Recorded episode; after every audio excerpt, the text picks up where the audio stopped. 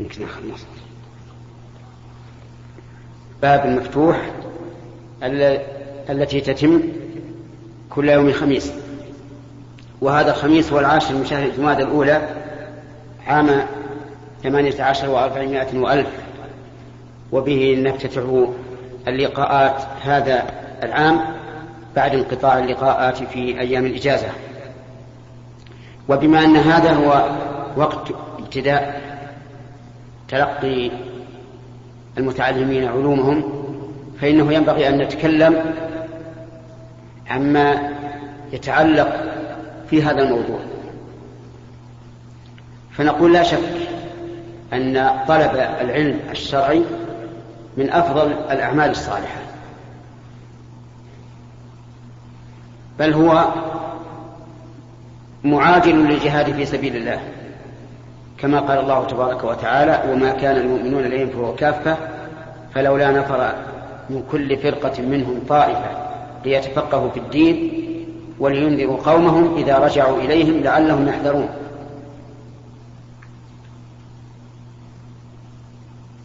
فبين الله عز وجل أن المؤمنين لا يمكن أن ينفروا جميعا للجهاد في سبيل الله. لأن ذلك يؤدي إلى تعطل المنافع الأخرى التي لا بد للإسلام من القيام بها. وبهذا نعرف أن الجهاد لا يمكن أن يكون فرض عين على كل واحد من المسلمين. كما ادعاه بعض المعاصرين الذين يقولون إن الجهاد فرض عين على كل مسلم وهذا خطأ. مخالف للقرآن. لأن الله قال وما كان المؤمنون لينفروا كافة يعني لا يمكن هذا. ثم أرشد أن ينفر بعضهم أن ينفر بعضهم ويقعد بعضهم. ليتفقه القاعدون في دين الله وينذروا قومهم إذا رجعوا إليه. لكن الجهاد يكون فرض عين في مسائل معينة خاصة. فطلب العلم الشرعي لا شك أنه معادل للجهاد في سبيل الله واختلف العلماء أيهما أفضل العلم أو الجهاد. ولا شك أن منفعة العلم أعم من منفعة الجهاد لأن منفعة الجهاد إذا تحققت فإنما هي في جزء معين من الأرض لكن العلم ينتفع به كل الناس فالعلم من حيث هو أفضل من الجهاد. لكن مع ذلك قد نقول لبعض الناس الجهاد في حقك أفضل ولآخرين الجهاد العلم في حقهم أفضل. ويظهر هذا بالمثال.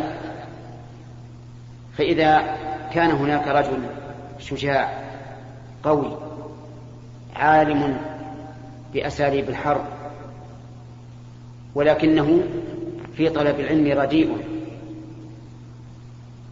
الحفظ صعب عليه والفهم قليل. فهذا نقول الجهاد في حقه أفضل لأنه أنفع. وآخر ليس بذاك في الشجاعة في الشجاعة ومعرفة أساليب الحرب لكنه قوي في الحفظ قوي في الفهم قوي في الحجة قوي في الإقناع. فهذا نقول طلب العلم في حقه أفضل. إذن الخطوط التي نفهمها الآن طلب العلم معادل للجهاد في سبيل الله. أيهما أفضل؟ يختلف هذا باختلاف الناس. بعض الناس نقول له الجهاد في حقك أفضل وبعض الناس نقول العلم في حقك أفضل حسب ما تقتضيه الحال. العلم يحتاج إلى تربية نفسية وتربية خلقية وتربية بدنية. التربية النفسية هو أن يطلب العلم لله لا للرياء ولا للسمعة ولا ليصرف وجوه الناس إليه ولا لينال عرضا من الدنيا وإنما يطلب العلم لله عز وجل. لأن العلم عبادة من أفضل العبادات.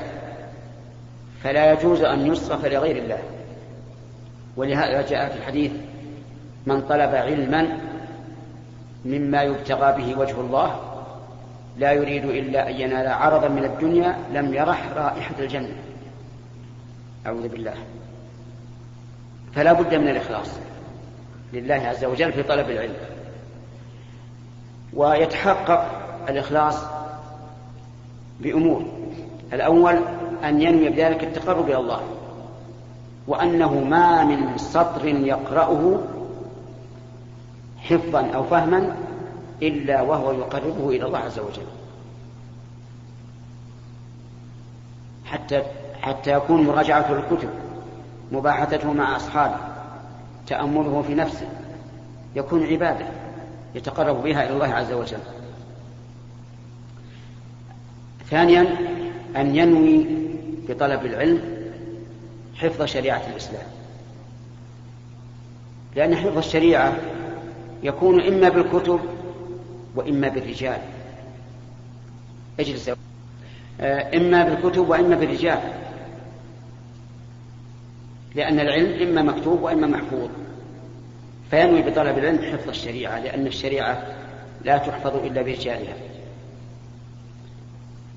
الأمر الثالث أن ينوي حماية الشريعة والدفاع عنها لأن الشريعة لها أعداء. أعداء باسم الإسلام وأعداء باسم الكفر. فمن أعدائها باسم الإسلام أصحاب البدع. لأنهم يدعون إلى بدعهم. باسم إيش؟ باسم الإسلام. ويرون أن ما هم عليه هو الإسلام. وربما يضللون غيرهم. ويقولون إن هؤلاء ضالون إما فاسقون وإما كافرون. فيجب أن نحمي الشريعة من هؤلاء وبدعهم. وهذا لا يمكن إلا بإيش؟ إلا بالعلم.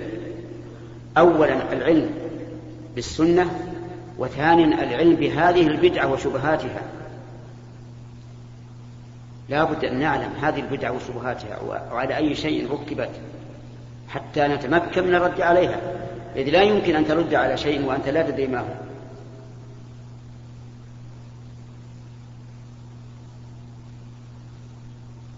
ولهذا لو أن رجلا أتى إلى مكتبة مملوءة بكتب أهل السنة وصار يقرر البدعة في هذه المكتبة وليس عنده أحد يعلم كيف أرد عليه فهل تنفع هذه الكتب؟ عجيب يا جماعة ما تنفع لا يمكن أن بأي كتاب أن يقفز ويرد عليه لكن لو كان هناك عالم بالسنة أمكن أن يرد على هذا ويدحض حجته. إذا فهيئ نفسك الآن. هيئ نفسك أيها الطالب. هيئ نفسك لتكون بطلا في رد الباطل. هناك أناس لا ينتسبون للإسلام أعدى للإسلام وليسوا ينتسبون للإسلام أيضا يحتاج إلى فهم ما هم عليه من الباطل والرد عليه. كل هذا داخل في إخلاص النية لله عز وجل أن ينوي الإنسان الدفاع عن شريعة عن شريعة الله بهذه الأمور وبغيرها أيضا من الأساليب الأخرى التي قد لا تحضرون الآن. ومما يجب على طالب العلم أن يظهر أثر العلم عليه في عبادته وهو معاملته مع الله عز وجل بحيث يخشى الله سبحانه وتعالى. في السر والعلانية ويكون قلبه دائما معلقا بالله. لأن الله تعالى قال إنما يخشى الله من عباده من؟ العلماء. فالعلماء حقيقة هم أهل الخشية لله. إذا علم إذا رأيت أنه ليس عندك خشية من الله عز وجل ولا خوف منه فاتهم نفسك بأنك لست من أهل العلم وإن حفظت ما حفظت من المتون وإن فهمت ما فهمت من المعاني. لابد أن يظهر أثر العلم على الإنسان في عبادته ومعاملته مع الله. أيضا لا يفقدك الله حيث أمرك ولا يجدك حيث نهاك. لا بد من هذا. ومن لم يكن كذلك فإن علمه وبال عليه. أعاذنا الله وإياكم من هذا. اللهم لا تجعل ما علمنا علينا وبالا. انتبه أن عليك مسؤولية. أمام الله عز وجل. الجاهل قد يعذر بجهله لكن العالم بأي شيء يعذر. لا بد أن يظهر عليك أثر العلم في العبادة من خشية الله ومراقبته والتعلق به والاستعانة به والتعبد له بكثرة الطاعات. العلماء الذين هم أئمة العلم نسمع من أخبارهم أنهم أهل عبادة أهل تهجر في الليل أهل تسبيح دائما أهل قراءة قرآن. ففتش نفسك هل أنت بهذا بهذه المثابة أو لا؟ لا بد أيضا أن يكون للعلم أثر في خلق الإنسان. بأن يخالق الناس بخلق حسن. سماحة بشاشة انشراح صدر معونة عفو إحسان كل ما يتعلق بمعاملة الناس الحسنة فإنه من آثار من آثار العلم. إننا نرى الآن جحافل كثيرة. تدخل الكليات والمعاهد والمدارس. لا نرى عليهم أثرا في طلب العلم. إننا نرى الطلاب أنفسهم يتقابلون وهم في فصل واحد. لا يسلم بعضهم على بعض. نجدهم أيضا مع العامة. لا يسلمون على العامة. هل هذا من خلق المسلم فضلا عن خلق طالب العلم؟ الجواب لا. وإذا كنتم تقولون لا فاعلموا أنها ستشهد عليكم جوارحكم. يوم القيامة إذا لم تطبق. الآن يمر الإنسان بأخيه لا يسلم عليه.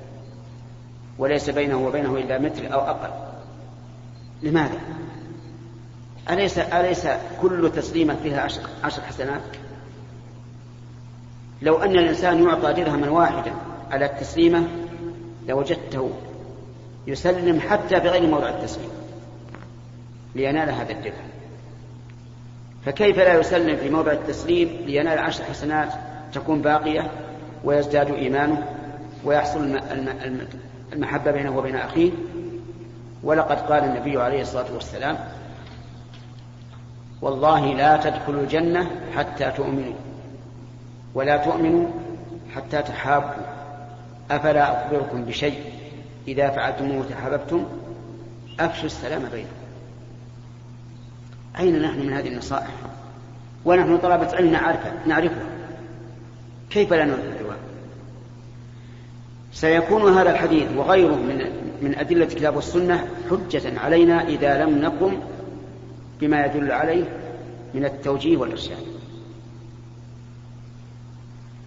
وكذلك يجب أن يكون أثر العلم ظاهرا عليه بمحبته لأخيه ما يحب لنفسه.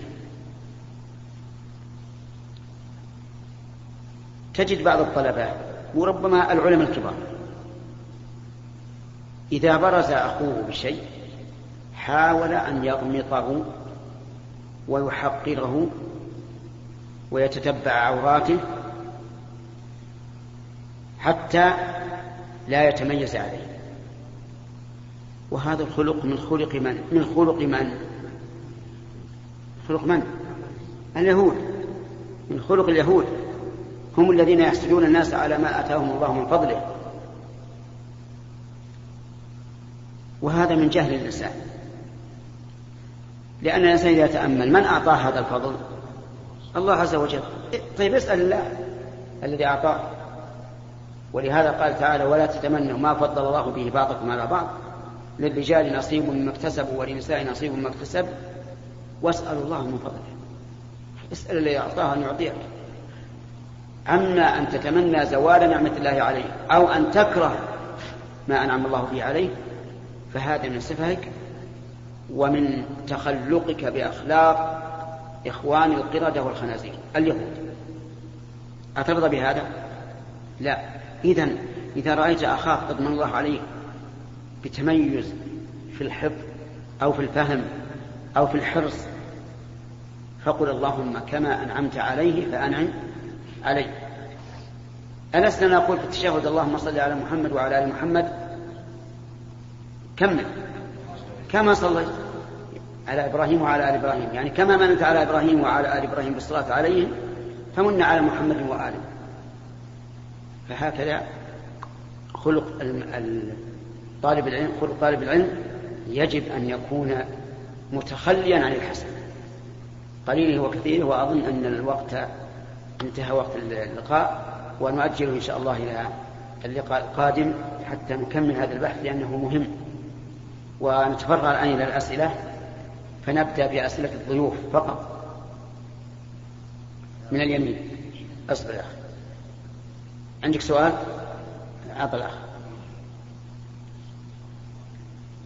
الشيخ أنا عندي أيتام لأخواني وعندهم أموال كثيرة وبعدين أتعب فيها ومحسيها واحد وأتعب فيها من كيسي الخاص وأسوق سيارات وحلا وأموال وهم صغار أكبرهم هو 14 ويحل فيها شيء ولا ما يحل. أنت محتاج؟ والله يعلم الحال ويدي عاد. على كل حال قال الله عز وجل فمن كان غنيا فليستعفف ومن كان فقيرا فليأكل بالمعروف. وأرى أن تذهب إلى القاضي وتأخذ ولاية الشرعية كأن ما عندك شيء. تأخذ ولاية الشرعية وتقول للقاضي افرض لي شهريا أو نسبة من المال حتى لا يلحقك أحد بعد ذلك. أخشى إذا كبروا قاموا يطالبونك يقول أين أموالهم؟ فخذ ولاية شرعية من القاضي واجعله يفرض لك أجرة شهرية أو بالنسبة. الشيخ طال عمرك اللي حصلنا على الولاية هو أرسلني لك. خلوا يعطيك كتاب. ابن مبارك. نقل والله كان في الجمشة. ما يخالف آه، ما دام نقل معناه جاب جاب ذلك الله أرسلني عليك قال رح لابن اللي بداله خليه يقضي حاجتك. قال رح لابن عثيمين وما يقول لك رح عليه لا تجيني ولا تجيني خلاص.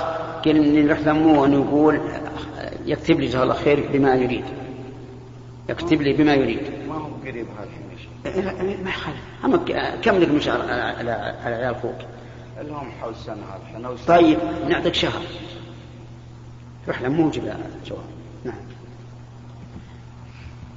فضيلة الشيخ القصة القصيرة كانت أو طويلة والمسرحية آه، يكون فيها ذهاب ومجيء وقيام ونوم واستيقاظ.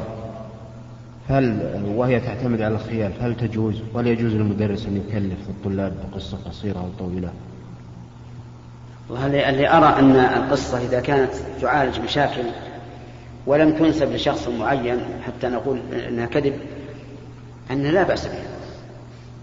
لأن ضرب الإمثال للاعتبار ليس به بأس.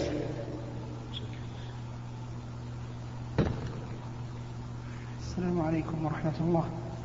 أشهد الله على محبتكم يا شيخ. سؤال حفظك الله. أنا موظف في شركة ويرأسني شخص كافر. والصباح حين أذهب إلى العمل يكون قد وصل إلى العمل قبلي. فهل لي أن أسلم عليه وأبدأه بالسلام؟ علما بأني إذا لم أسلم عليه قد يحصل لي ضرر أو يعني ما شابه ذلك. نعم. آه الطريق إلى هذا إذا كان رئيسك كافرا وحضر قبلك. الطريق إذا دخلت عليه أن تقول صباح الخير. فقط. وصباح الخير لمن؟ لنفسك وإخوانك المسلمين. لا تنويها له. أو تقول السلام بدون أن تقول عليكم. وتنوي السلام عليك أنت وعلى عباد الله الصالحين. عرفت؟ وبهذا يحصل المقصود إن شاء الله بدون بدون ضرر فضيلة الشيخ ما حكم اصطحاب الأطفال دون سن السابعة للمسجد إذا كانوا إذا كانوا يحدثون للمصلين؟ آه لا يجوز لولي أمر الصغار الذين يحدثون إزعاجا للمصلين أو إفسادا في المسجد أن يصطحبهم إلا أن يحميهم حماية تامة وإذا قدر أنهم يأتون بدون اطلاع ولي أمرهم فإن الواجب على الإمام أو على المسؤولين في المسجد أن ينبهوا ولي أمره حتى يمنعهم ما حصل منهم أذية. نتكلم على اللي يحصل منهم أذية على المصلين أو على المسجد.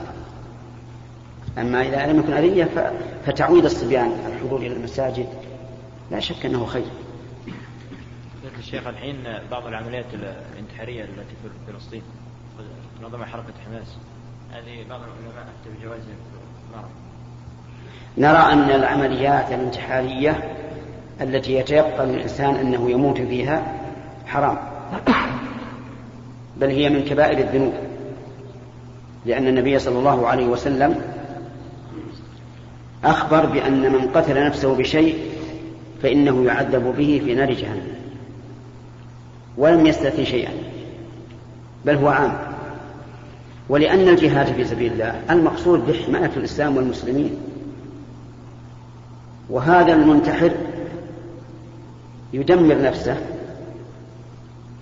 ويفقد بانتحاره عضو من أعضاء المسلمين ثم إنه يتضمن ضررا على الآخرين. لأن العدو لن يقتصر على آه، قتل واحد.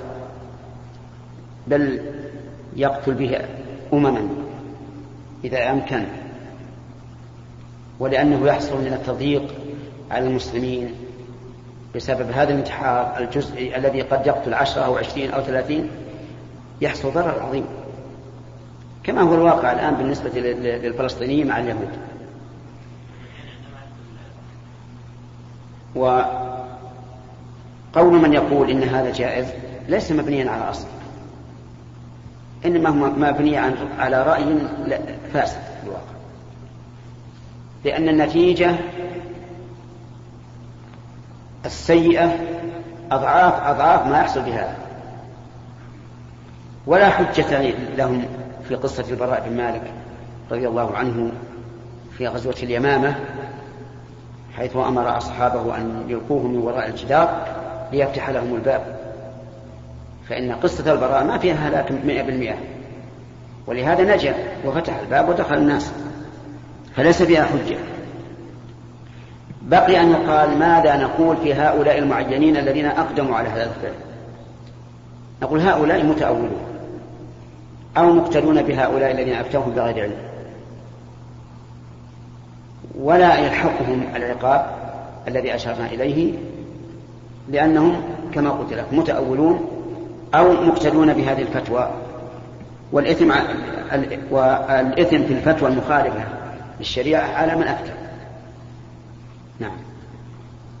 فضيلة الشيخ ثبت أن الصلوات الخمس المفروضة آه، فرضت على النبي عليه الصلاة والسلام آه، ليلة الإسراء والمعراج. وكذلك ثبت أيضا أن النبي عليه الصلاة والسلام كان يصلي وكذلك الصحابة قبل الإسراء والمعراج. فكيف التوفيق إلى هذا؟ وكيف يعني كانت نوعية الصلاة التي تصلى؟ هل هي نفس الصلاة التي بعد نفس الصلاة التي بعد التي فرضت ليلة المعراج؟ أم الذي نعلمه أن الرسول صلى الله عليه وسلم كان يصلي قبل المعراج آه، في الصباح والمساء بكرة وعشية. وكيف يصلي؟ لا أعلم. الله أعلم. هل كان باجتهاد منه عليه الصلاة والسلام؟ الله أعلم.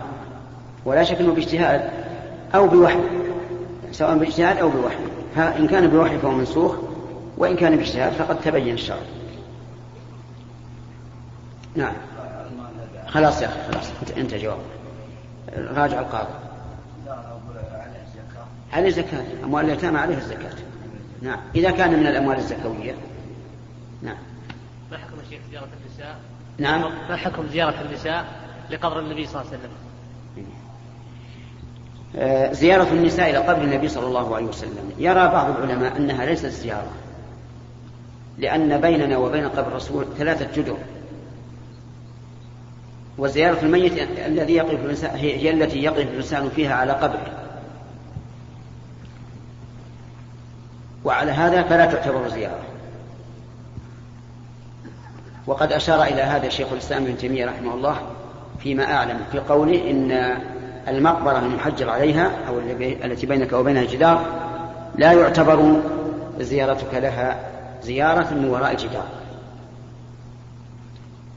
وبهذا أجاب بعض أهل العلم عن قول الفقهاء رحمهم الله تسن زيارة قبر النبي صلى الله عليه وسلم حتى للنساء.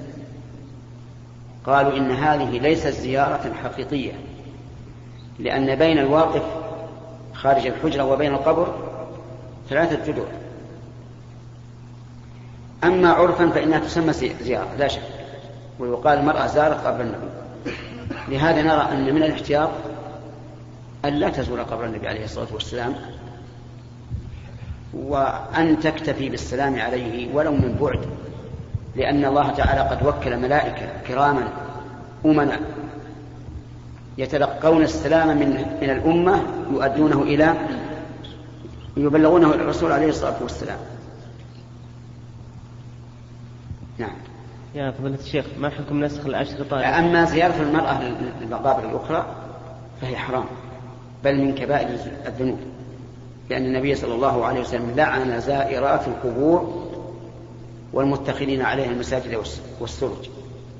إلا إذا مرت بالمقبرة ووقفت أمام القبور ودعت فلا بأس. لأن هذه لم تخرج من مجال الزيارة فلا تدخل في الحديث. فضيلة الشيخ ما حكم نسخ الأشرطة التي حقوق الطبع حقوق النسخ محفوظة؟ الذي أرى أنه إذا نسخ الإنسان لنفسه فقط لا لتجارة فلا بأس. لأن هذا لا يضر. أما, أما الذي ينسخها لتجارة ويوزعها فهذا عدوان. هذا يشبه بيع المسلم على بيع أخيه. وبيع المسلم على بيع أخيه حرام. نعم. يا شيخ أحسن الله إليك. كثير من الناس يقول أنتم تقولون أنه لا يجوز تكفير من يقول إله الله وهو يعمل ما يناقضها ويستدلون بحديث النبي صلى الله عليه وسلم من قال إله الله خالصا من قلبه دخل الجنة. فكيف يرد عليهم هذا يا شيخ؟ يرد عليهم بنفس الحديث. الحديث يرد عليهم. من قال لا إله إلا الله خالصا من قلبه. أتظن أحدا يقول لا إله إلا الله خالصا من قلبه ولا يعبد الله؟ لأن معنى لا إله إلا الله يعني لا معبود حق إلا الله. فهل يمكن أن يكون الرجل يقول لا إله إلا الله خالصا من قلبه ولا يصلي وهو يعلم أن ترك الصلاة كفر هذا لا يمكن. فالحديث يرد عليه. وإلا لكان المنافقون إيش؟ أسأل. لكان ما يدخل الجنة ما يدخل النار. لأنهم يقولون لا إله إلا الله. فإذا كان النبي صلى الله عليه وسلم قيده بهذا فإننا نقول لا يمكن لإنسان يقول لا إله إلا الله خالصا من قلبه إلا ويصلي. نعم. اختلط الحبل بالنابل يا موسى إيش قلها؟ أحسن الله إليك شيخ. اليمين مرة واليسار مرة جزاكم الله خير نعم.